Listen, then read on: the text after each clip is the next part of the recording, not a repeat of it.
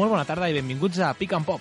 La família dels blocadors i continuadors cap enfora torna una temporada més i ho fa amb molts canvis que anirem desvetllant a poc a poc, amb la paciència amb la qual s'ha d'atacar una defensa en zona.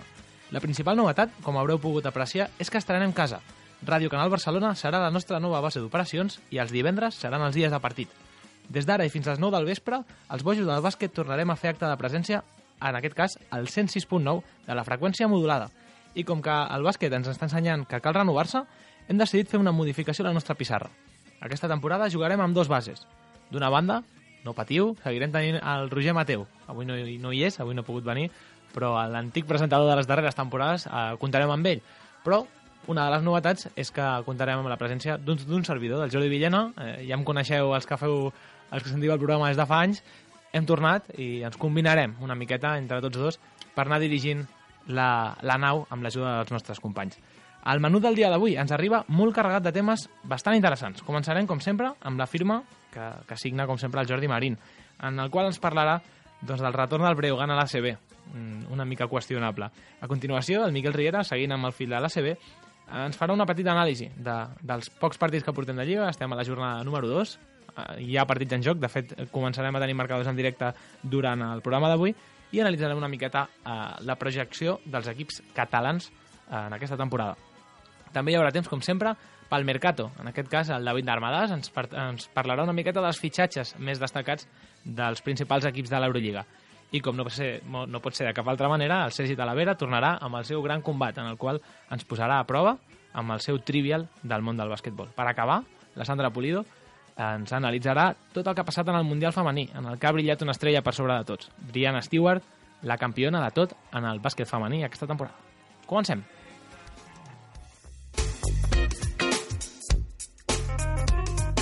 La firma. Per Jordi Marín.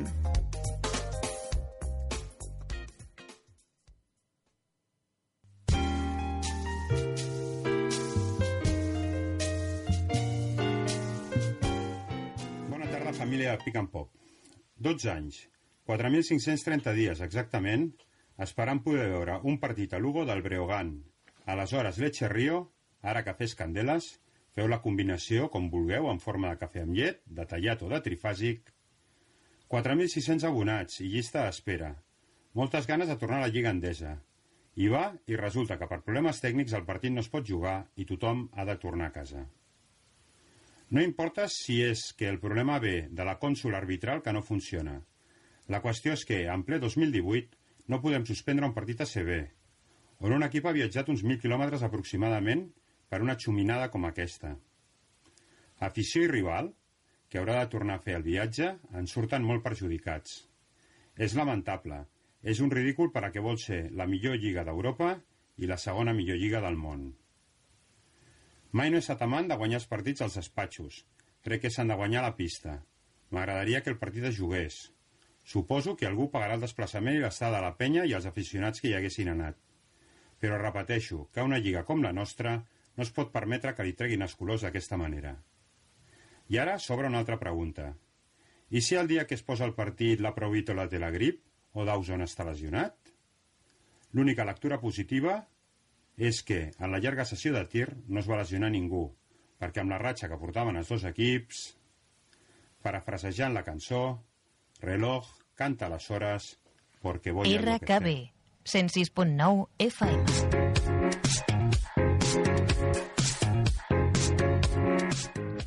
Bé, doncs una firma, eh, la comentem ràpidament, nois, eh, molt crítica, no?, amb la situació del Breogán. Eh, Sergi Talavera, comencem per tu.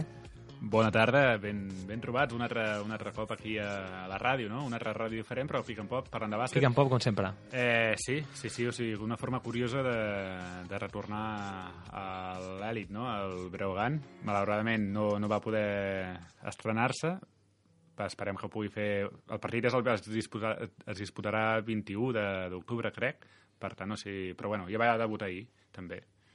També cal dir eh, que tenim aquí els nostres companys, David Almadàs, molt bona tarda. Molt bona tarda.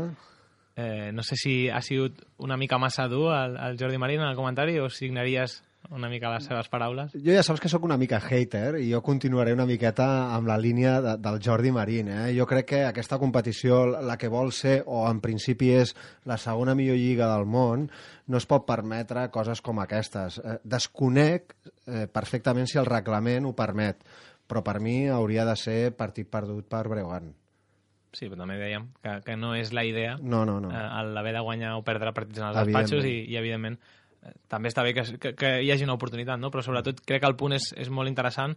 Eh, Miquel Riera, Miqui, molt bona tarda a tu també. Molt bona tarda. El punt que comentava el Jordi, no? sobretot eh, qui paga aquest desplaçament, eh, tota aquesta afició, no estem parlant d'un penya-Barça que, que no afectaria gens.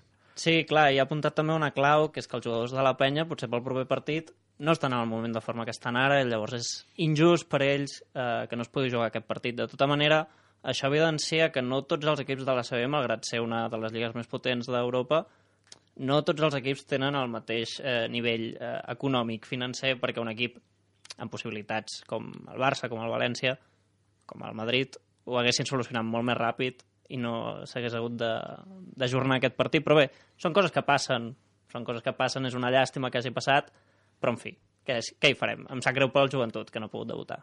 Molt bé. Us recordem que ens podeu seguir a les xarxes socials, ens podeu seguir al Twitter, a Pic en Pop Ràdio, en aquest recordeu que és sense el símbol, tot amb lletres, eh, i també ens podeu seguir a l'Instagram, que, en aquest, que en aquest cop sí que fem servir Pic en Pop amb el, amb, la, amb el símbol, que faríem servir pel Pic en Pop. També recordar que tenim una lliga oberta a Supermanager, Pic en Pop, mateix eh, nom i mateix contra, mateixa contrasenya, us animem a participar. Eh, només portem dues jornades, encara hi sou a temps si, si voleu participar. Algun comentari final, nois? No, arrel del que deies de les xarxes, hi havia un seguidor, l'Albert González, que ens comentava eh, escolta, només una hora eh, era com una miqueta en re- referència als anys anteriors que dedicàvem dues hores al bàsquet. De moment sí, esperem que sigui menys temps, però que augmentem la, la qualitat. La qualitat, per sobre de la quantitat, que és una cosa que ens agrada força. Molt bé, doncs seguim avançant temes i precisament estàvem parlant de, de CB, de, del debut frustrat a casa del Breogán per culpa d'un problema tècnic força lamentable, perquè al final eh, ho parlàvem abans de començar, no? Si fos una, una amenaça de bomba, una situació d'aquestes realment serioses, doncs seria molt més comprensible que no pas per un tema tècnic. Però hi ha més resultats, hi ha més eh, qüestions a analitzar. Eh, Miqui, si et sembla, eh, fem una petita repassada al que portem d'aquesta jornada 2, que, com dèiem, eh, està a punt de, estan a punt de començar els partits del divendres. Ahir ja van tenir una miqueta i comencem per aquí. Sí, de fet comencem amb una sorpresa. El Quirolbet Bascònia va, va perdre a casa del Sant Pablo Burgos. Per mi és uh, la sorpresa més destacada del que portem de temporada, més enllà del partit, de, del partit aplaçat de l'altre dia. El tècnic Conta va guanyar contra el, contra el Delteco Guipúscoa Bàsquet per 76 a 73. El Barça va guanyar també a pista del Manresa per 78 a 88. Montequí Fuenlabrada 79, Unicaja 93, Iberostar Tenerife 90, Café Candelas Breogán 78, no van poder tenir el seu debut somiat, i Herbalife eh, 92, eh, Obradoiro 93. Avui, a tres quarts de nou, el Divina Joventut debuta contra el Morabanc Andorra a casa. Per tant, tindrem resultats en directe, companys, i Sí, podem senyor. anar avançant una miqueta abans de, del final del programa. Eh, I podem el- començar els partits I a tant. l'hora del programa. I a la mateixa hora, València Bàsquet contra Real Madrid. Això de posar partits a la mateixa hora, bé. En fi, coses de, de la Lliga Endesa que no s'entenen. I el 3 de gener jugarà l'Ucamp Múrcia contra l'Estudiantes, partit ajornat per les fases prèvies de la Champions League de la FIBA. Bé, Un dia em guardaré el, compa- el comentari perquè un dia Quin- parlarem d'això. El 3 de gener, Va, d'aquí d'aquí poc. sí. Sí. Sí. Un dia en parlarem, no? De que, un dia en parlarem. Sí, sí, un dia en parlarem perquè té... hi ha molt tema per tractar. I hi ha molt hater eh, al També. programa, així que podria ser una bona combinació. Quan parlaves del resultat de Burgos i Bascònia, he vist a la Sandra Pulido posant cares. Eh, hola, Sandra, bona tarda. Hola, bona tarda. Eh, algun comentari? Mm, bé, la primera jornada ens va bé, ens va anar bé. Vull dir, és que només traieu el dolent del Bascònia. El més recent, no és culpa meva. Bé, petit comentari de qualitat. Eh, Miqui, seguim, perquè tu tenies Sí. pensat avui parlar-nos dels equips catalans. En aquest inici portem dues, tot just Sí. dues jornades, no arriba, i, i parlar una miqueta de les aspiracions dels catalans, com han començat, Sí, etc. comencem pel Barça i el Manresa, que precisament es van enfrontar ahir. El Barça de moment comença bé. El Barça porta uns anys que comença bé i després la cosa baixa. Veurem aquest any. Va guanyar per 78 a 88, com hem dit.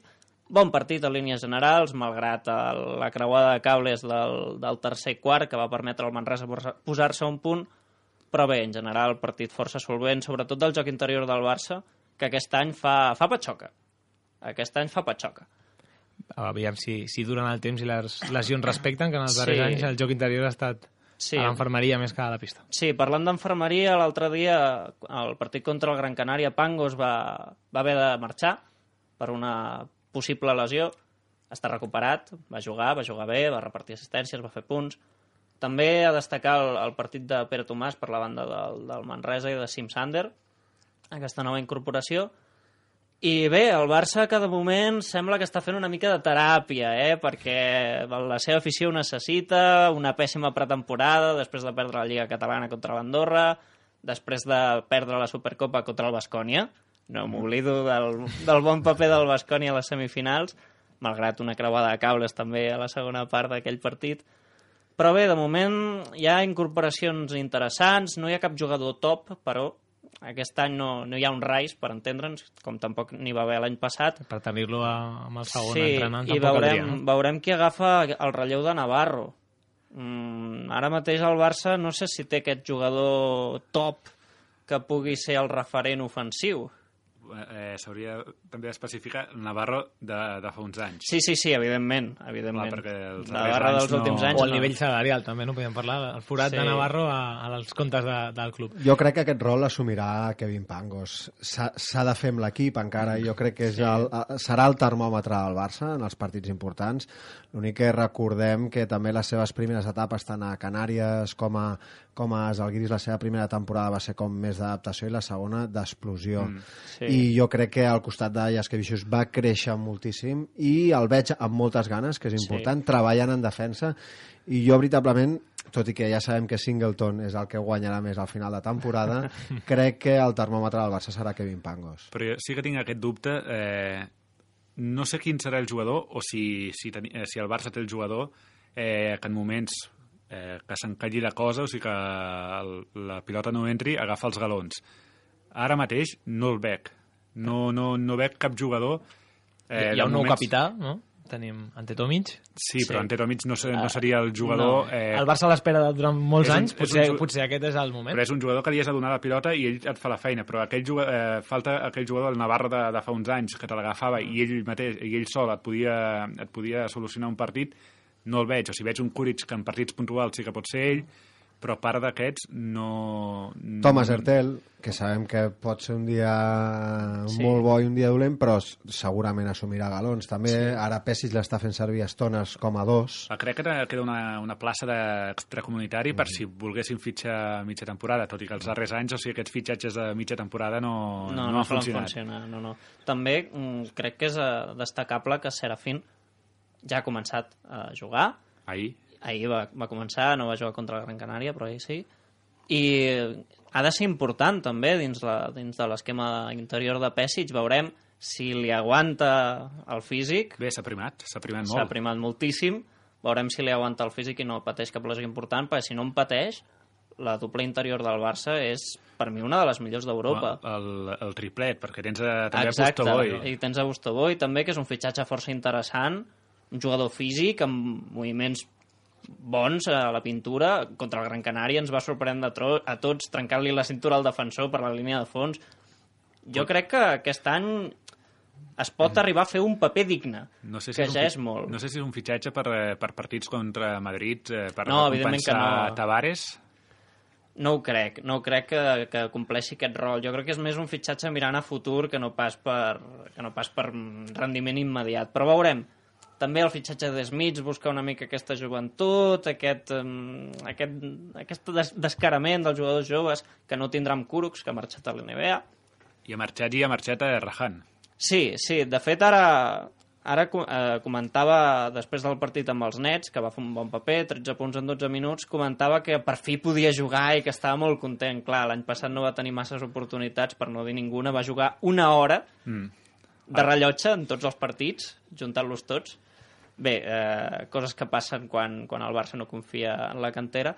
i també a comentar eh, el paper de Pesic, el gran tòtem Què, què del? Barça. Què, en podem esperar d'aquesta no- renovació de Setlas Pesi que, que Soc- soc semblava incapaç- que no havia de passar sí. i va passar al final? Sóc incapaç de ser objectiu amb... Bueno, no puc ser objectiu, però no puc ser neutral amb, amb, es- amb Svetislav Pesic. És el meu ídol de joventut, no... I, I gràcies a ell es va, es va assolir un miracle l'any passat i es va guanyar la Copa del Rei. Llavors em costa molt, però sí que crec que el Barça potser hauria d'haver fet els deures i haver fitxat a Jessica Vicius, que era l'entrenador que sonava. Però bé, Pesic crec que pot fer un bon paper i que pot eh, dur els jugadors a ratlla. Jo parlant en present, sobretot amb, aquesta darrera frase de, del Miquel, eh, eh, els posarà a ratlla. És a dir, jo crec que queda clar que el Barça treballarà al darrere, en defensa treballarà, i el que no treballi anirà a la banqueta. Això li donarà a l'equip molta solidesa i segurament li, li, li permetrà competir en més partits. No sé si li, li donarà per aconseguir algun títol, perquè jo encara veig un pèl lluny, però de moment han de ser objectius més realitzables. Eh, parlava algun jugador del Barça d'arribar a la final de la Lliga Endesa, de, de moment ficar-se al play-off a Eurolliga i provar a, amb, amb la Copa del Rei. Jo crec que això sí que ho aconseguiran i veurem també com l'equip creix. Jo crec que aquest equip té marge, marge de millora i Pesic, tot i que jo no era partidari de que se'l renovés, li traurà bastant de rendiment. Jo tinc ganes de veure una cosa perquè quan es va fitxar, quan es va seguir, bueno, es va fer aquest projecte, els fitxatges que s'han fet, eh, tothom parlava que, eh, que l'estil de joc eh, pel, amb els fitxatges que s'havien fet era prioritzar la defensa. Els dos primers partits de, de Lliga que hem vist, o sigui, el, el primer va passar els 90 punts i ahir va, no, no va arribar, però va estar tocada de 90 punts. Vull anar veient a veure si, si aquest serà el ritme anotador del, de, del Barça o si es complirà el que s'havia previst eh, quan es van fitxar aqu- aquests jugadors, que seria un ritme d'anotació més baix. Sí, contra el Gran Canària es comentava que el Barça depenia molt del triple, moltíssim. I en el partit contra el Manresa una particularitat que va tenir és que durant la primera part el Barça només va anotar un sol triple i va acariciar els 50 punts. Està força bé de moment. Veurem si durant la temporada és capaç de buscar unes altres vies d'anotació més enllà del 6,75. Molt bé, seguim analitzant aquests equips catalans a l'inici de, de la Lliga Endesa i és el torn de, de la penya, del Joventut de Badalona. Som-hi, el Joventut de Badalona, que després del calvari que va passar l'any passat, sobretot a nivell econòmic, recordem que va estar al límit de la desaparició. Es van haver de reunir tots els, eh, bueno, tots els directius, Ajuntament de Badalona, etc etc per arribar al final a una solució. Afortunadament, el Joventut ara mateix mm, pot pagar els deutes i és mm, viable econòmicament, veurem fins quan, però de moment ho és i aquest any doncs, buscarà mantenir la categoria B, buscarà una temporada tranquil·la i per això en part també ha fitxat bueno, més que els fitxatges jo diria que el manteniment de la Provitola és la millor notícia i el millor no fitxatge de, de la penya, sincerament. És el jugador que els hi va salvar la temporada l'any passat, aquest base argentí boníssim, i, i veurem, si, veurem si les noves incorporacions també estan a l'alçada. De moment han incorporat, entre altres jugadors, a un tirador com Dakota Macias, que ve del basquetbol universitari americà, i sobretot a Sean Dawson, que és la, la gran aposta de, de la directiva del joventut. Parlaves de la continuïtat de la Provitola. La pregunta que m'agradaria llançar a la taula, i el primer que, que vulgui contestar que s'abraoni, és si creieu que acabarà la temporada a la penya o si acabarà marxant un equip Eurolliga que posi diners a sobre la taula i li ofereixi competir. Jo crec que acabarà. Eh, acabarà perquè el tram final de temporada passada li va donar molt al jugador a la penya, però també a la penya al jugador. Era un jugador és un jugador que, que ho ha fet bé, però en equips, eh, en equips de segon o tercer eh, en tercer nivell, per dir-ho d'alguna forma. Quan ha estat sempre un equip, quan ha anat a un equip amb aspiracions eh, superiors, eh, se l'ha vist, o sigui, no, no ha rendit eh, tan, tan bé com ho està fent en, ara mateix a la penya, o ara mateix, o sigui, la temporada passada a la penya, eh, en, en certs o sigui, equips d'aquest nivell. Per, va jugar, o sigui, no, no s'ha d'oblidar que s'ha jugar, va anar a jugar als Spurs amb Popovic i, òbviament, el rol que va tenir va ser... Bueno, no, no va jugar, o sigui, no... I re- recordar que va ve del Zenit, on el van tallar, o sigui, perquè ell ni... va tenir problemes. Per tant, jo crec que vol, eh, vol tenir una, una temporada tranquil·la on disfrutar del bàsquet i crec que acabarà. pel bé de la penya, esperem que es quedi. I ens queda poc temps, eh, Miqui, ràpidament. Què esperem Ràpidament. del Manresa? Sí, Manresa, bueno, esperem que mantingui la categoria, és el seu gran objectiu, per això ha fitxat a jugadors com Tulson, com Renfro, com Dolman, i ha posat, eh, diguéssim, de, cap, de capità de la barca Joan Penyarroia, que torna al Manresa, al Manresa després d'uns quants anys a Andorra. Veurem com va. De moment, l'equip fa força patxoca. Va guanyar el primer partit, ha perdut el segon. Veurem.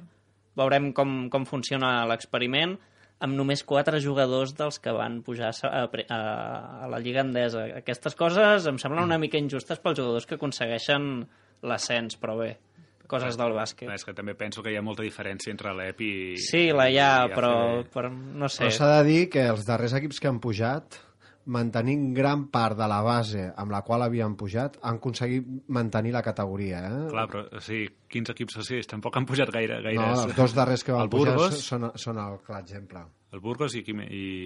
L'any passat van I pujar... No, No, Estudiantes mai, no ha baixat mai. Eh? Bueno, ha baixat, no ha baixat a, a mig Literalment. Ara, ara no me'n recordo aquí, però vaig estar mirant i les plantilles perquè estava fent aquesta comparativa. Va, jo tinc una pregunta, sobretot per tu, perquè sé que t'agrada jugar. Eh, quants partits o sigui, creus que jugarà Dolman? Eh, tinc un gran dubte, perquè ja l'any passat ja es va arrossegar una miqueta, eh, tant a Turquia com després a Budognos, que inclús no jugava, o jugava molt poquet, 10-12 minuts, el vam veure en directe amb el Raül a, a Zagreb, i tinc els meus dubtes. Tant de bo rendeixi com amb la seva primera etapa a Manresa. Tant de bo rendim tots com a les primeres temporades de Pick and Pop. Seguim. Hola a tots, uh, soc Jaume Ponsarnau i envio una salutació a tots els amics de Pick and Pop. Una abraçada per tots. RKB, 106.9 FM.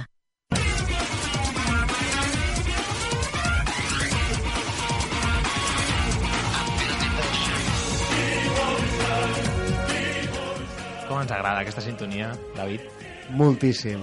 Devotion. Quines ganes. Quines ganes. Recordem, estem en horari 100% Eurolliga. De fet, encara no ha començat, però un cop tinguem l'Eurolliga amb nosaltres, eh, estem en el millor horari possible per comentar la jornada de la millor lliga d'Europa. I tant que sí. No només eh, analitzarem eh, els resultats, competició en si, parlarem també d'alguns jugadors en concret, eh, d'alguns entrenadors, analitzarem notícies que hagin estat destacables. Per exemple, recordo l'any passat el president de Panathinaikos, que vam estar una, una miqueta debatint sobre les seves accions.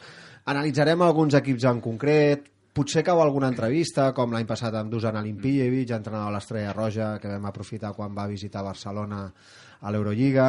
Bueno, anirem fent una miqueta de tot, esperem que, que agradi, i dir, dir als oients que eh, si tenen alguna proposta, algun tema que vulguin parlar sobre Eurolliga, estem oberts a propostes mitjançant les xarxes. Com que hem dit ja abans, estem dit. a Twitter, estem presents a Instagram també, per tant, qualsevol canal és benvingut perquè els oients ens facin saber les seves preguntes i les seves propostes per les nostres seccions. Exacte, i si et sembla, eh, comencem parlant de jugadors més destacables en quant a novetats i una miqueta intentat destriar de tots els equips alguna coseta. Perfecte. De fet, una miqueta també de, de mercat, no? de moviments, jugadors eh, interessants en cadascun d'aquests equips. Comencem per l'Anadolu Efes. Eh, parlarem de dos jugadors que van jugar junts fa dues temporades precisament a Bascònia. Eh, no són altres. Sobretot per mi destacar Shane Larkin, després d'una temporada a Boston, als Celtics, torna a Europa després de fer una gran temporada amb Bascònia. Eh? Recordem que era l'alma mater d'aquell Bascònia i jo crec que va estar a punt d'aconseguir moltes coses gràcies a ell, sobretot. I Rodrigo Bobois, que és un jugador amb molta qualitat, però a vegades un pèl irregular, però segurament els hi permetrà donar un salt de qualitat a l'equip turc. Anem a Bascònia, ja que està... M'ha costat, eh? Perquè he vist dos o tres partits, estem parlant dels jugadors nous, i tot i que Shavon Shields era el que tenia més nom, eh? recordem que ve del Trento italià, haig de reconèixer que jo abans no l'havia vist jugar gaire, però clar, tothom parla molt bé d'ell. Jo tinc, no sé, no m'ha no, no acabat de convèncer els primers partits, però vull esperar-me. Ja sabeu, eh? Soc directe amb, amb alguns jugadors, ja us veig riure. Pel CSK, mira, del CSK parlarem d'un jugador que ja no forma part d'aquesta plantilla russa. Crec que ens hauríem de posar en peus per parlar d'ell. No és un altre per mi, perquè és un històric, que Víctor Kriapa.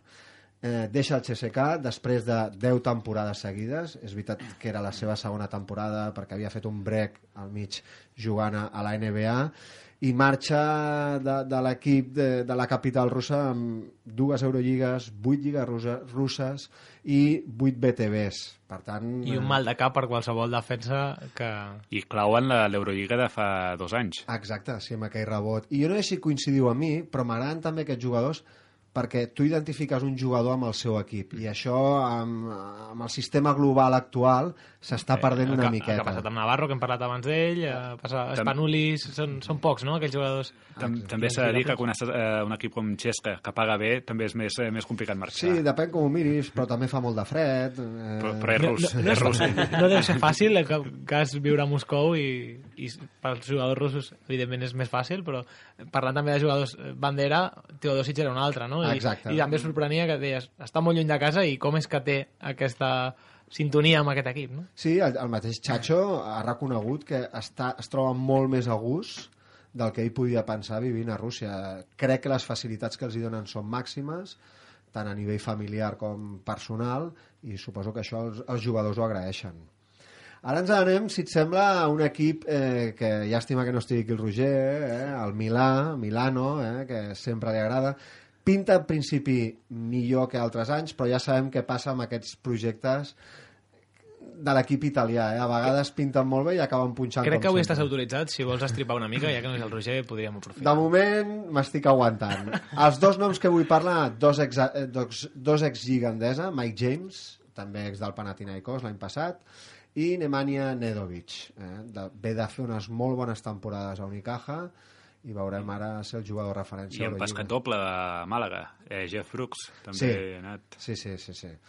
Del Barça no ampliaré molt més perquè el Miqui ha parlat. Vull parlar, si hem parlat de Criapa, hauríem de dir any 1 després de la retirada de Navarro. Parlem del jugador més important de la història del Barça. Crec que no cal dir gaire més.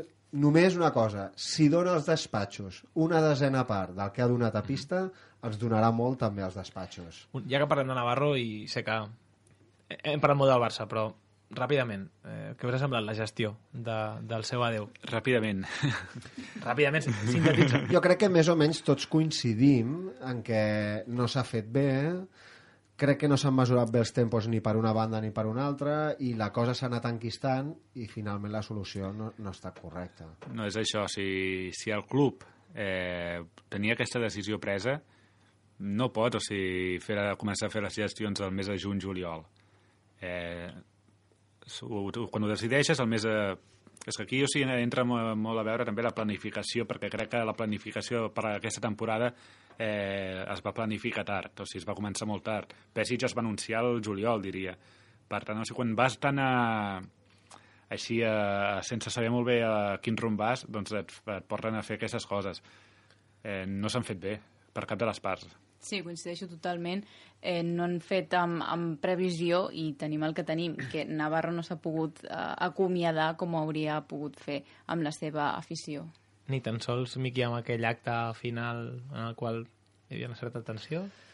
Sí, bé, jo crec que no va ser el millor comiat, evidentment, crec que no s'ha gestionat, com heu dit, bé per cap de les dues parts, però bé, tindrem una retirada de samarreta, que és el que mereixia, contra, a casa contra el Madrid, i espero que, que l'afició del Barça pugui acomiadar-lo com Déu mana. I l'estàtua, a mi em sembla molt I bon detall. sí. Jo crec que és el, el millor jugador de la història, per tant, eh, ha d'haver-hi la seva simbologia allà. Fantàstic. Seguim, David, tanquem el parèntesis Navarro. No a parlar de Pesic i de Pangos, però com hem parlat ja a la secció CB, el passem. Fenerbahce, jo crec que el gran fitxatge és el francès Lavernier, ex dels Spurs, eh, crec que la pintura farà molta feina, i una vegada més, molts dels grans equips europeus anaven darrere un jugador i ha estat el mestre Obradovic el que l'ha aconse aconseguit convèncer i emportar-se al seu equip. Eh? Un talent europeu que torna de, de, de la NBA i ell se'l queda pel seu equip. Del Himki, em costava, eh? estava mirant algun jugador i tornaré al de sempre, els que ja ens heu escoltat altres anys, ho sento, però en aquest cas no parlo una novetat. Parlaré del veritable amo del Himki, Alexei Esvet. Tot la- L'alcalde, És- clar. Exacte. Tot i les moltes cares noves, crec que tornarem a veure'l absorbint tant i tant joc com l'any passat. El seguirem de prop i tal com vam fer el darrer any, mirarem les seves estadístiques i les analitzarem. Digues la veritat, seguirà rajant. No, depèn, depèn del que absorbeixi i com jugui el seu equip. Maccabi de Tel Aviv. Eh, es parlava al final de temporada passada farem un equip A, un equip B, al final s'han decidit per mantenir un equip, és veritat que s'han gastat diners, però jo destacaria sobretot un jugador, eh, un base americà, pel qual també molts equips europeus havien mostrat interès, com Wilbekin, recordem campió amb el Darussafaka a la passada Eurocup, inclús el mateix Obradovic el volia, però mira, en aquest cas no el va aconseguir convèncer o potser el talonari era més gran a, a Tel Aviv que a Istanbul. I hi ha una parella, o sigui, també han fitxat, com és eh, bastant normal amb ells, és eh, molts jugadors americans. Eh, Tariq Black, eh, ex-pivot de... Jugador d'aquells de completar plantilles de, de la Rock- NBA. de Rockets i Lakers, i un ex-Hornets, eh, Johnny O'Brien, que No- vaig no veure... he jugat poc, però és un joc interior almenys molt físic. Sí, volia dir que no parlem de totes les novetats de tots els equips, No. sinó hem donat pinzellades d'alguns, perquè no vol dir que uns siguin millors que uns altres, en la meva humil opinió, els que creia que s'havien de, de destacar. Olympiacos, destaco un nom que igual no serà molt protagonista, Xaxa Bezenkov, el recordo perquè ja sé que hi ha hagut altres fitxatges a l'equip del Pireu com Tupan, que ve dels Alguiris, William Gross o Tima, que ve de Bascònia, però tinc curiositat com rendirà el búlgar i si tindrà més oportunitats que a Can Barça. Jo segueixo tenint el dubte de si per a Eurolliga pot jugar de 4. És és el meu gran dubte. Jo d'aquest equip vull veure si el rendiment de, eh, o el que treu d'aquest equip David Blatt. És l'altre nom que tenia preparat. És a dir, si s'haurà adaptar-se a una filosofia ja molt marcada, com la, com la de l'equip de l'Olimpiakos, amb Spanulis al el, el capdavant. que portem veient eh, de Blat, o sigui, el que hem vist els darrers anys, a part de l'època NBA, eh, és un entrenador que, sí, de, que prioritza la defensa abans que l'atac, per tant, o sigui, crec que pot encaixar bé. En principi sí. L'únic que eh, jo no sóc, eh, ara ja estreno una altra vegada la meva vessant hater, no sóc molt de David Blatt, crec que en algun moment se l'ha sobrevalorat massa i que aquella Eurolliga que va guanyar Maccabi ell li està traient molt de profit. Si tu series més com l'Ebron, no? Exacte, jo sóc de, de, de... Team Lebron. Exacte. Panathinaikos, eh, tot i que em moro de ganes, eh, ja em anireu coneixent els nous oients, no parlaré d'XP, ho deixo per més endavant, eh, eh, serem seriosos, i voldria destacar un gegant que torna a la NBA després de provar sort durant dues temporades a Sacramento Kings, no parlem d'un altre que no sigui Georgios Papagiannis, un 2-20 de 21 anys acabats de complir. Veurem quin, quin impacte té a l'equip d'Atenes, eh? si té oportunitats, si agafa minuts. Recordar, i ara m'ha sortit així sense voler, que Xavi Pasqual treballa molt i molt bé amb els jugadors interiors. Real Madrid, eh, per mi el gran fitxatge és Sergi Llull. Recordem, pràcticament inèdit la temporada passada i que tot i que va jugar al darrer tram també és, és cert que va estar irregular, normal, després de, de tant de temps sense jugar i el Madrid pràcticament va guanyar-ho tot sense ell competint. El Madrid ha perdut a Doncic, però per mi ha fitxat a, a Sergi Llull. Zalgiris Kaunas, el gran fitxatge, em repeteixo amb alguns, és haver mantingut a Saras Jaskevicius a la banqueta. Cada any ho diem i Sí. cada any... L'equip tindrà fins a set cares noves i la veritat és que dona la sensació que serà una aposta, perquè molts d'ells no tenen ni experiència a Eurolliga. Tot i que és veritat que molts d'ells també eren eh, jugadors solvents a les seves lligues. Ja veurem com acaba de funcionar Ah, aquest jo tinc equip. ganes de veure un ex-Manresa com funciona l'Eurolliga, com és Marius de Grigonis. Un jugador que m'agrada molt. No, no el vaig veure la ra- darrera temporada, però també és cert que jugant amb qui jugava estic segur que va aprendre moltíssim. Va jugar a Berlín. a Berlín de la mà de Don Alejandro Aito García Reneses. I si et sembla, passem als equips nous, Equips nous, sí. Eh, respecte a la temporada passada. Re, un breu resum. Un d'ells, Budugnost Voli Podgorica, de Montenegro. po- pots repetir? Com... No, no, ja m'ha servi- costat. El, el teu servi és... No, no fem mal el primer Ho dia. deixarem amb el Budugnost. Ara, no, res, dona'm tres línies més i de, et diré alguna cosa servi molt maco. Eh, recordem, eh, són inèdits a Eurolliga des del 2003 eh, accedeixen a l'Eurolliga després d'haver de guanyat la Lliga ABA, que és aquesta lliga que juguen els antics equips jugoslaus, eh, en forma una lliga gran, i el campió, i la va guanyar precisament contra Estrella Roja, i ara aquí vaig, Zerevena Zvezda, Fantàstic. val? a contrapronòstic totalment. Eh? Recordem que l'equip de Belgrat era el màxim favorit, però els de Montenegro es van endur al playoff. Què podríem destacar de Budugnost? Eh, doncs un ex del Barça, Edwin Jackson, que diguem que les seves etapes a Can Barça han Ju- estat... Jugador guadiana, no? Aquests que apareixen i desapareixen. En principi està cridat a ser l'estrella de l'equip. També destacaríem el base del Mónaco Kraft, els interiors Clark, que ve de jugar de, de l'Aftodor, i a Clark, que ve de, de Besiktas. Jo crec que aquest equip s'unirà un jugador que a mi em va agradar molt, que és Gordic. En vam parlar l'any passat quan vam anar... Finestres, no?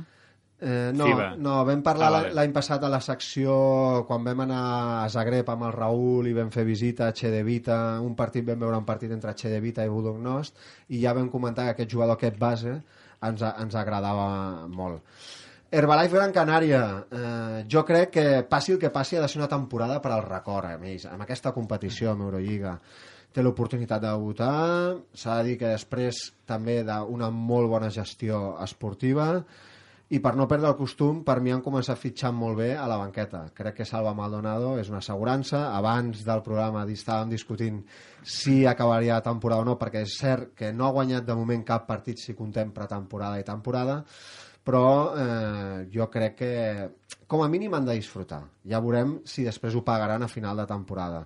A la posició 2 i 3 s'han reforçat amb dos americans, Strawberry, que ve de Besiktas, i Evans de, del Mónaco, i han fitxat tres jugadors amb experiència a la Lliga Andesa, com Tilly, que ve d'Olympiacos, tot i que va estar inèdit la temporada passada, Clevin Hanna i Nelson, que ve de, de, del Betis.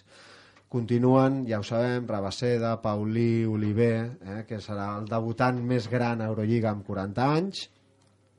I ens anem a Darussafaka. Tornen a l'elit després, una de les places és els campions de l'Eurocup, ell com a campió de l'Eurocup de la temporada passada ha accedit a l'Eurolliga. Recordem que fa dues temporades va estar precisament amb David Blatt al capdavant i va arribar al playoff, en el qual va perdre quarts de final contra el Real Madrid. I eh, parlant de banquetes, precisament, és curiós el cas del seu entrenador, un autèntic desconegut, el turc Ahmed Kaki, eh, que ja havia entrenat a, Durs- a Darussafaka el 2000, del 2004 al 2006 i que ha tret alguna experiència en altres equips de Turquia, havia estat una temporada que no la va acabar al Alba Berlín a la temporada 16 i 17. Mig equip nou, noms destacables, doncs potser l'ex de Màlaga McCallum, el tirador Diebler, eh, jo crec que serà un equip que farà patir quan jugui a casa, però mm, no crec que sigui carn de, de playoff. Bayern de Múnich, eh, la temporada passada amb Georgievich al capdavant, va ser acomiadat abans de que acabés la temporada. Els de Múnich agafen el testimoni del Bros Bamberg, recordeu, l'habitual representant alemany eh, a l'Eurolliga els darrers anys. Per la seva tornada a l'Eurolliga, els alemanys s'han reforçat amb cinc cares noves, en les que jo destacaria l'ex-NBA Derrick Williams, l'ex-blaugrana Koponen i les de dos ex-Brose, precisament Radosevic i, i Lo. De la temporada passada continuen alguns jugadors com Booker, el mític Dedovic, que porta ja tota la seva vida, i sobretot voldria destacar els servis Lucic, Jovic i Magban, que són jugadors que han anat progressant a poc a poc. Jo sóc molt fan de, de Jovic, al base, i Magban, sobretot a la seva època júnior. Un equip correcte, amb bons bímets, en totes les seves línies, i que jo crec que també farà ben disfrutar de la competició. Molt bé, David, moltíssimes gràcies per la teva secció. Falten 20 minuts per les 9 de la nit i encetem el gran combat. RKB 106.9 FM, la ràdio que t'envolta.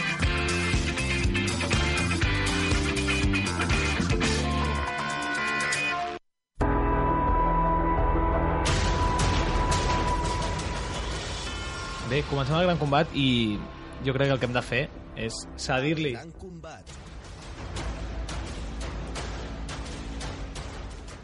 Deia, m'he avançat. Eh, ja em disculpareu, estic en pretemporada, eh? feia temps Sí. que, no, que no ens dedicàvem a, a això. Deia que arriba Gran Combat i el millor que podem fer és donar-li el control al Sergi Talavera, el nostre mestre de cerimònies pel que fa al concurs de preguntes curioses sobre el basquetbol i bé, comencem temporada i amb l'objectiu de fer història. Sí, ja sabeu que, que a mi m'agrada jugar eh, i sóc punyetero, sóc punyetero. No sé, la paraula, la paraula no està ben dita, però, però s'accepta, no? Eh, primer, abans de, de començar amb les preguntes, eh, per la gent que no, no sap la dinàmica del joc, és un estil de... Segur que tothom coneix el precio justo, eh, on s'havia d'encertar eh, el preu d'un producte, no? Doncs aquí s'ha d'encertar o apropar-se a, a la resposta, o sigui, a la data que jo pregunti. Qui s'apropi més, doncs encert, eh, guanya. Eh, En cas quatre- que ningú s'apropi, el que, el que s'apropi més. per dalt o per baix, és, és igual, és el mateix. O sigui, M'agrada, m'agrada, és perquè després Perquè sempre hi ha genera- confusió. genera confusió. És, igu- eh, és sense fa. O sigui, si una es queda dos per baix i l'altra dos per dalt, o sigui, empat. Fantàstic. Eh, I seria això, o sigui, per cinc preguntes, les quatre primeres, eh, qui l'encerti i l'encerti de forma exacta, tres punts, eh, qui, si, si no l'encerta ningú, el que s'apropi més, un punt. I l última, com, els, eh, com els, els concursos de triples, que l'última pilota sempre val més, eh, si no si l'encerta algú de forma exacta són cinc punts, si no l'encerta ningú, el que més s'apropi, tres punts. El Moneyball de tota la vida del concurs de Jo triples. tinc una pregunta només. És obligatori participar tots els components d'aquesta Sí, taula? clar, clar. Home, jo ho faria obligatori. I, perquè No la pot ser Sandra obligatori, perquè... No, és que jo no vindré cada setmana, llavors em quedaria... Jo vaig participar l'any passat venint quatre seccions. només. És igual. I aprofito la teva pregunta per dir que també ho pot participar la gent des de, des de casa seva o des del carrer, des, de, des d'on estigui. Pot eh, enviar-nos les respostes al Twitter de Pick and Pop Ràdio. i tot diria que encara que participin al, post, al podcast També, igual, igual. O sigui, l'important Això- és participar. Sí. Mentre no busquin i facin de Clar, sí, memòria... però llavors, si busques per la gràcia del joc. Eh, si, no, si no hi ha més preguntes, començo. I, come, i faig jo les preguntes. Doncs comencem. I la primera us l'he posat molt fàcil. Ai, Quin jugador eh, serà el més vell, més veterà, per dir-ho d'aquesta forma, a l'Eurolliga d'aquest any? Eh, quin, és el, quin és el jugador i quina és l'edat, perdó. Ah. L'edat del jugador més veterà aquest any a l'Eurolliga. És fàcil per començar. hombre, Crec, crec que ha sonat abans. clar, no vull dir res. Passem a la segona. Com regales aquí punts. A veure si algú fallarà. Jo fallaré. Segona. El Joventut de Badalona és l'equip més jove de la Lliga Endesa. No és cap sorpresa. Quina és, l'edat, eh, quina és la seva mitjana d'edat? Amb decimals? Sí. Sí, sí, jo me la sent decimals. Com fallis, és resta. No, que és broma, que no em coneixeu ja. Els nous oients no.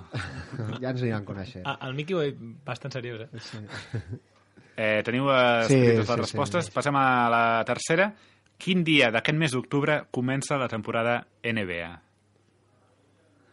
Aquesta hauria de ser fàcil dit abans de per... començar, eh? Sí. Voleu dir- No- no hem dit el dia. Els no sé quants d'octubre hem dit. Eh, abans de començar, algú ha preguntat el dia i jo he callat. Sí, sí, has mirat cap a una altra banda. Eh? Fantàstic. Bueno, Teniu, eh, teniu escrites la, Sí, sí, la resposta, doncs passem a la, a la quarta. Quants jugadors que disputaran l'Eurolliga aquest any venen de jugar l'NBA la temporada passada? uf, aquesta és molt bona. Que hem dit un munt, eh? Sí, sí, sí que està- Encara que sigui un partit. Però que venen directes O que han aquest jugat, any cap que allà. l'any passat van jugar un partit. Val. Un partit almenys. Val. Molt bona aquesta pregunta. Sí, Sí. sí senyor, m'agrada. Eh, no, no dono punts per, per els elogis, eh? Bueno, jo haig d'anar treballant-ho, a poc a poc. És una carrera de fons. Va, i passem per la... va, Anem a la última, que és un nom que ja ha sortit. Com tots sabem, aquest estiu s'ha retirat Juan Carlos Navarro i els seus números, les, les seves estadístiques són històriques, són espectaculars. O sigui, és un jugador que els seus, els seus números passaran a la història. I ara ve la pregunta. Però hi ha un apartat estadístic de l'ACB en què s'ha quedat a les portes de ser el millor de la història. A quants triples s'ha quedat d'igualar el rècord d'Alberto Herreros? Boníssima aquesta pregunta. Però tan a prop s'ha quedat? Ara ho descobrirem. Vinga, ja està. Teniu les cinc eh, respostes escrites? Doncs eh, comencem. La primera, edat del jugador més veterà de l'Eurolliga aquest any? 40? 41. Jo he posat 41 també. 40. Mm. Albert Oliver, fet Sí, sí. el passat mes de juny. Veus el situ, situ, si molt fàcil, regalen punts, eh, dos els han deixat. Tres, eh, tres punts Ens hem pel acostat, David. No, no hem dit... No, clar, però era una pregunta és fàcil. la línia, és- Passem a la, la segona. Eh, mitjana d'edat del joventut, que és, serà l'equip eh, més jove de- d'aquest any a la Lliga Endesa. 24,3. 23,6. 23,5. I no he mirat, eh? No ens hem mirat. 22,8. Ah. Guanyo jo. Sí, sí, guanyes. 22,8. I aquesta xifra eh, puja per al nou fitxatge de Harangodi, que en té 30. Mm. Abans estava 22 eh, o sigui, Pelats. tocats. Sí, sí. El següent equip, el segon equip més veterà, eh, la seva mitjana en té 26. Per tant, veiem la diferència entre, entre la penya i un altre, i el segon. Passem a... Aquí ha encertat el Jordi un punt. Sí. Passem a la tercera, dia en què comença la NBA, del mes d'octubre. 25 d'octubre. Jo he posat 20, però... Jo 21. 16.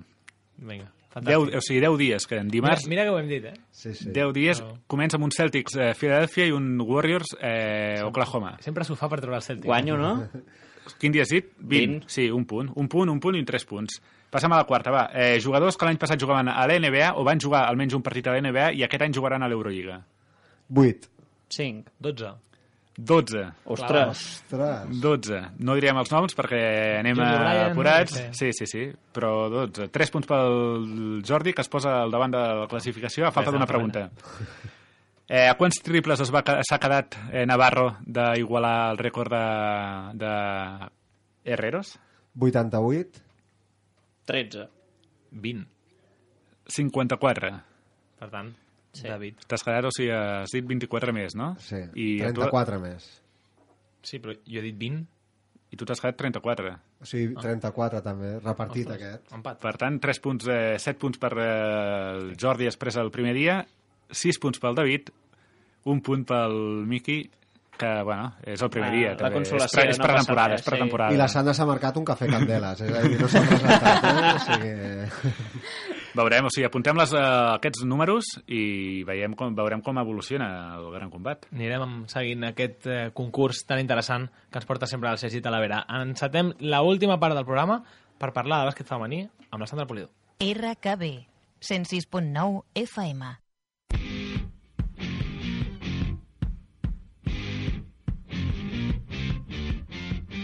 Com dèiem, eh, és moment de parlar de bàsquet femení. Sandra Polido, molt bona tarda. Hola, bona tarda.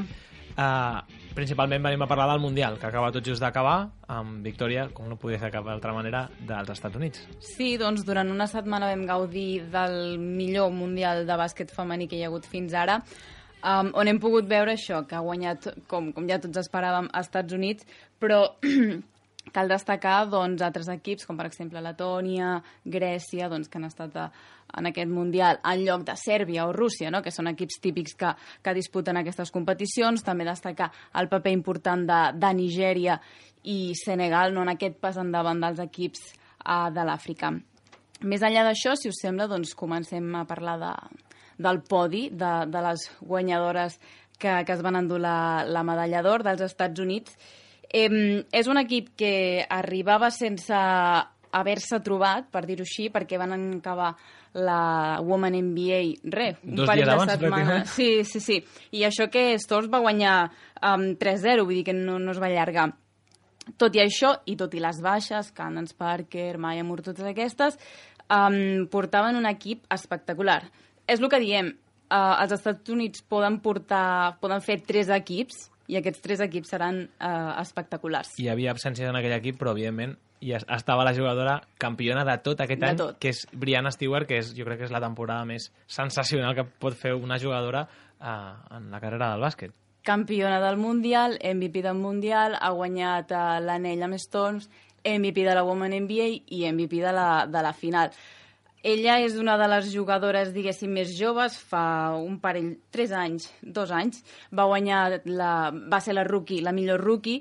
Clar, si a jugadores com ella li sumem les veteranes, Subert, mm, Greiner o Diana Taurasi, doncs tenim un, O un Helena equip. Deladon, que tot i ha estat una mica entre lesions, és una jugadora... Sí. És la que està lluitant fins al final amb, amb Brianna Stewart. Tenim un Exacte, equip sí. Són les que... L'únic equip que, que les va guanyar. Doncs tenim això, vull dir que, que no ens va sorprendre, vam gaudir, tot i que hem de dir que durant molts partits, gairebé tots, a, a la meitat, um, les rivals estaven en el partit i no estava decidit. Però bé, al final és allò que, que se'n posen a, a la feina i acaben guanyant. Uh, deixem la primera posició per parlar de, de la, el segon classificat, Austràlia. Un nom, Un Liz nom. Cambridge. Ella ha sigut la, la millor, la jugadora que ha fet més punts.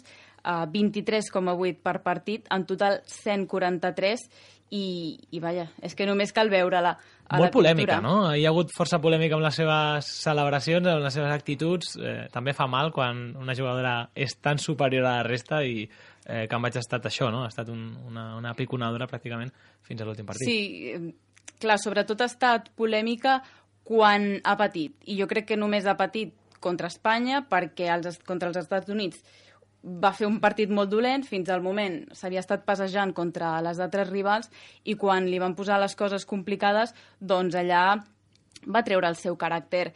Eh, cal parlar també d'altres jugadores, eh? no només Cambridge, per exemple, Sammy Whitcomb, que també ve d'Astor, Beck Allen, eh, Steph Talbot, vull dir, és un equip eh, molt ben format i veurem com, com evoluciona en els propers anys. I medalla de bronze? I medalla de bronze per, per Espanya. Um, bé, jo, més enllà de parlar de jugadores que, que ja sabem, Astuendur molt bé, tot i tenir partits uh, complicats, sempre ha donat una, una bona imatge també. Alba Torrens, que venia d'una lesió, um, Laia Palau, doncs m'agradaria destacar uh, dues jugadores, um, Oubinya i Queralt Casas. Sobretot la base de Saragossa um, ha fet un, un torneig espectacular. En els moments més complicats era ella la que uh, tirava endavant l'equip i que era el Casas contra Canadà. Um, va ser la que va revolucionar el partit i ben bé gràcies a ella doncs, uh, el partit es, es va guanyar i es va canviar la dinàmica. Dues jugadores doncs, que no podem gaudir d'elles perquè, clar, és que totes les bones jugadores que tenim a la selecció gairebé totes estan fora. Lamentablement, això parla molt malament de... Sí, de, del fet, nostre només tres jugadores no han estat a, arreu d'Europa. O sigui, tota la resta han jugat fora. Jo crec que a Espanya li ha penalitzat el que comentaves, la lesió de Laura Nichols a la fase de preparació. No hem vist a Laura Nichols d'altres tornejos en, les, en els quals es sortia constantment, se la veia... Laura Nichols o Alba Torrens? Ai, perdó, Alba Torrents, estava parlant d'Alba Torrents. Eh, se la veia sense aquella xispa tan clàssica d'ella, eh? ha estat una llàstima perquè a més és una jugadora que mai s'amaga. Sí, sí. És... I Sí que al final, en els partits que se l'ha necessitat, ha aparegut, però clar, no la teníem com a, com a regular. La veritat és que per mi la, la nota de, que li posaria a Espanya no és una molt bona nota perquè la veritat és que no ha fet bons partits. I les primeres parts han sigut força dolentes, per què no dir-ho? ha destacat el bloc i potser els, el posar-se a treballar Sí, el quan, el punt d'honor, quan no? mancava una miqueta de frescura, de qualitat en Sí. alguns moments. I en aquest sentit, llenço una mica la bomba. Eh, aquesta generació de jugadores és, ho ha guanyat pràcticament tot, tret de les americanes, però estem començant a veure al final, o hi, ha, hi, ha, hi ha llum al final del túnel, per així dir-ho, l'equip de Jo crec- Mondelo en algun moment Jo crec que sí, eh? perquè en les categories inferiors s'ha treballat molt bé. Eh? L'únic que, clar, venim d'unes jugadores potser hem de baixar un pèl al nivell, però que se seguirà competint jo crec que sí.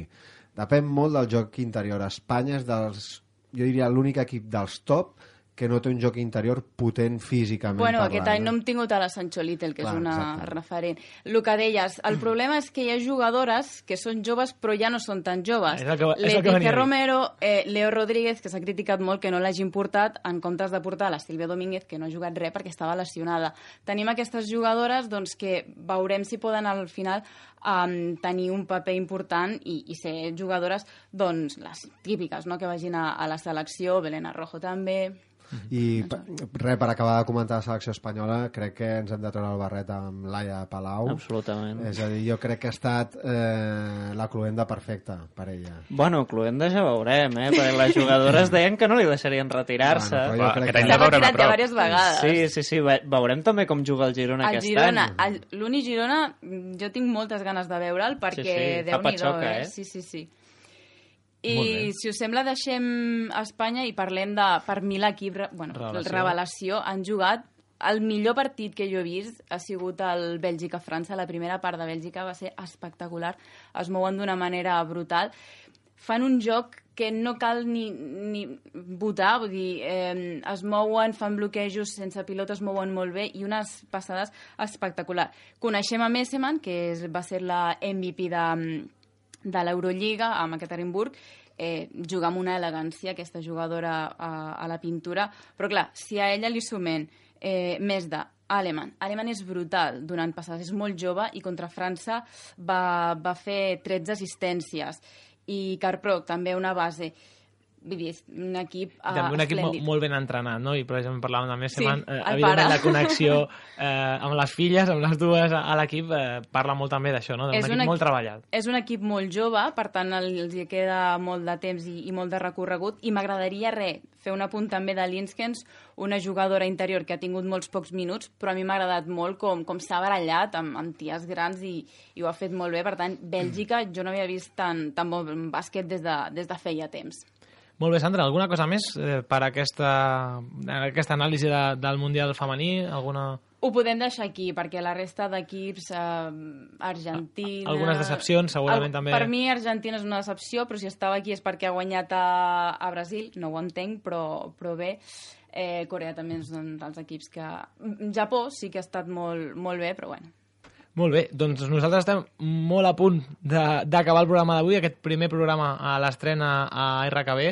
Eh, bona estrena, podríem dir. Hem parlat una Sí. miqueta de tot, hem repassat eh, grans temes interessants i, de fet, aca- acabarem repassant una miqueta la jornada en directe. Com dèiem, els partits tots just han començat a, a tres quarts i ja tenim primers, primers resultats. De moment, València Bàsquet donant, no diríem la sorpresa, tampoc seria una sorpresa, però està guanyant contra el Madrid 17 a 14 i eh, la penya que ha començat de manera espectacular, 13 a 3 contra l'Andorra, segurament deuen estar en un dels temps molts demanats per l'Andorra perquè és un gran inici en aquest derbi no vull dir català, de Federació Catalana, com diguem. Parla vegades, catalana. De parla catalana entre el eh, Divina Seguros Joventut i el Morabat Andorra.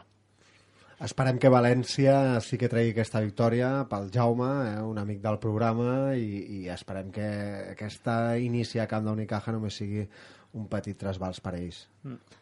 I m'agradaria comentar que demà passat tenim dos derbis, o semiderbis, Barça-Morabanc Andorra a les 5 de la tarda i Manresa Joventut a, a dos quarts d'una. Atenció amb el Barça-Andorra perquè és, eh, ja van jugar fa, fa Sí. pocs dies, o sigui, a la Sí, final sí. de la Copa Catalana La i, i Andorra vas comprar l'equip de Pèsits. Absolutament. Veurem la, la versió 2.0 el- la- o l'apartat número 2 eh, d'aquest duel a veure què passa. Molt bé, doncs nosaltres ho deixarem aquí, com sempre, en les últimes temporades, amb una cançó. Avui escoltarem Just What I Needed de la mítica, del mític grup The Cars. Passeu un molt bon cap de setmana, gaudiu del bàsquet i ens retrobem aquí.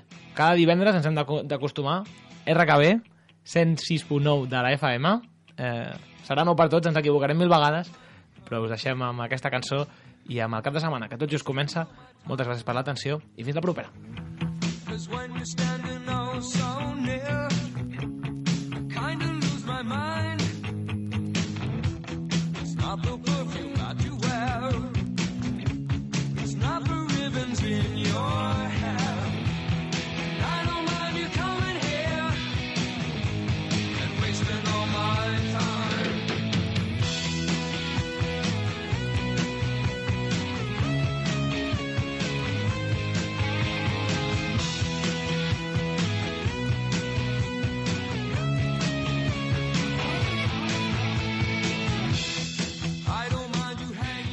RKB 106.9 FM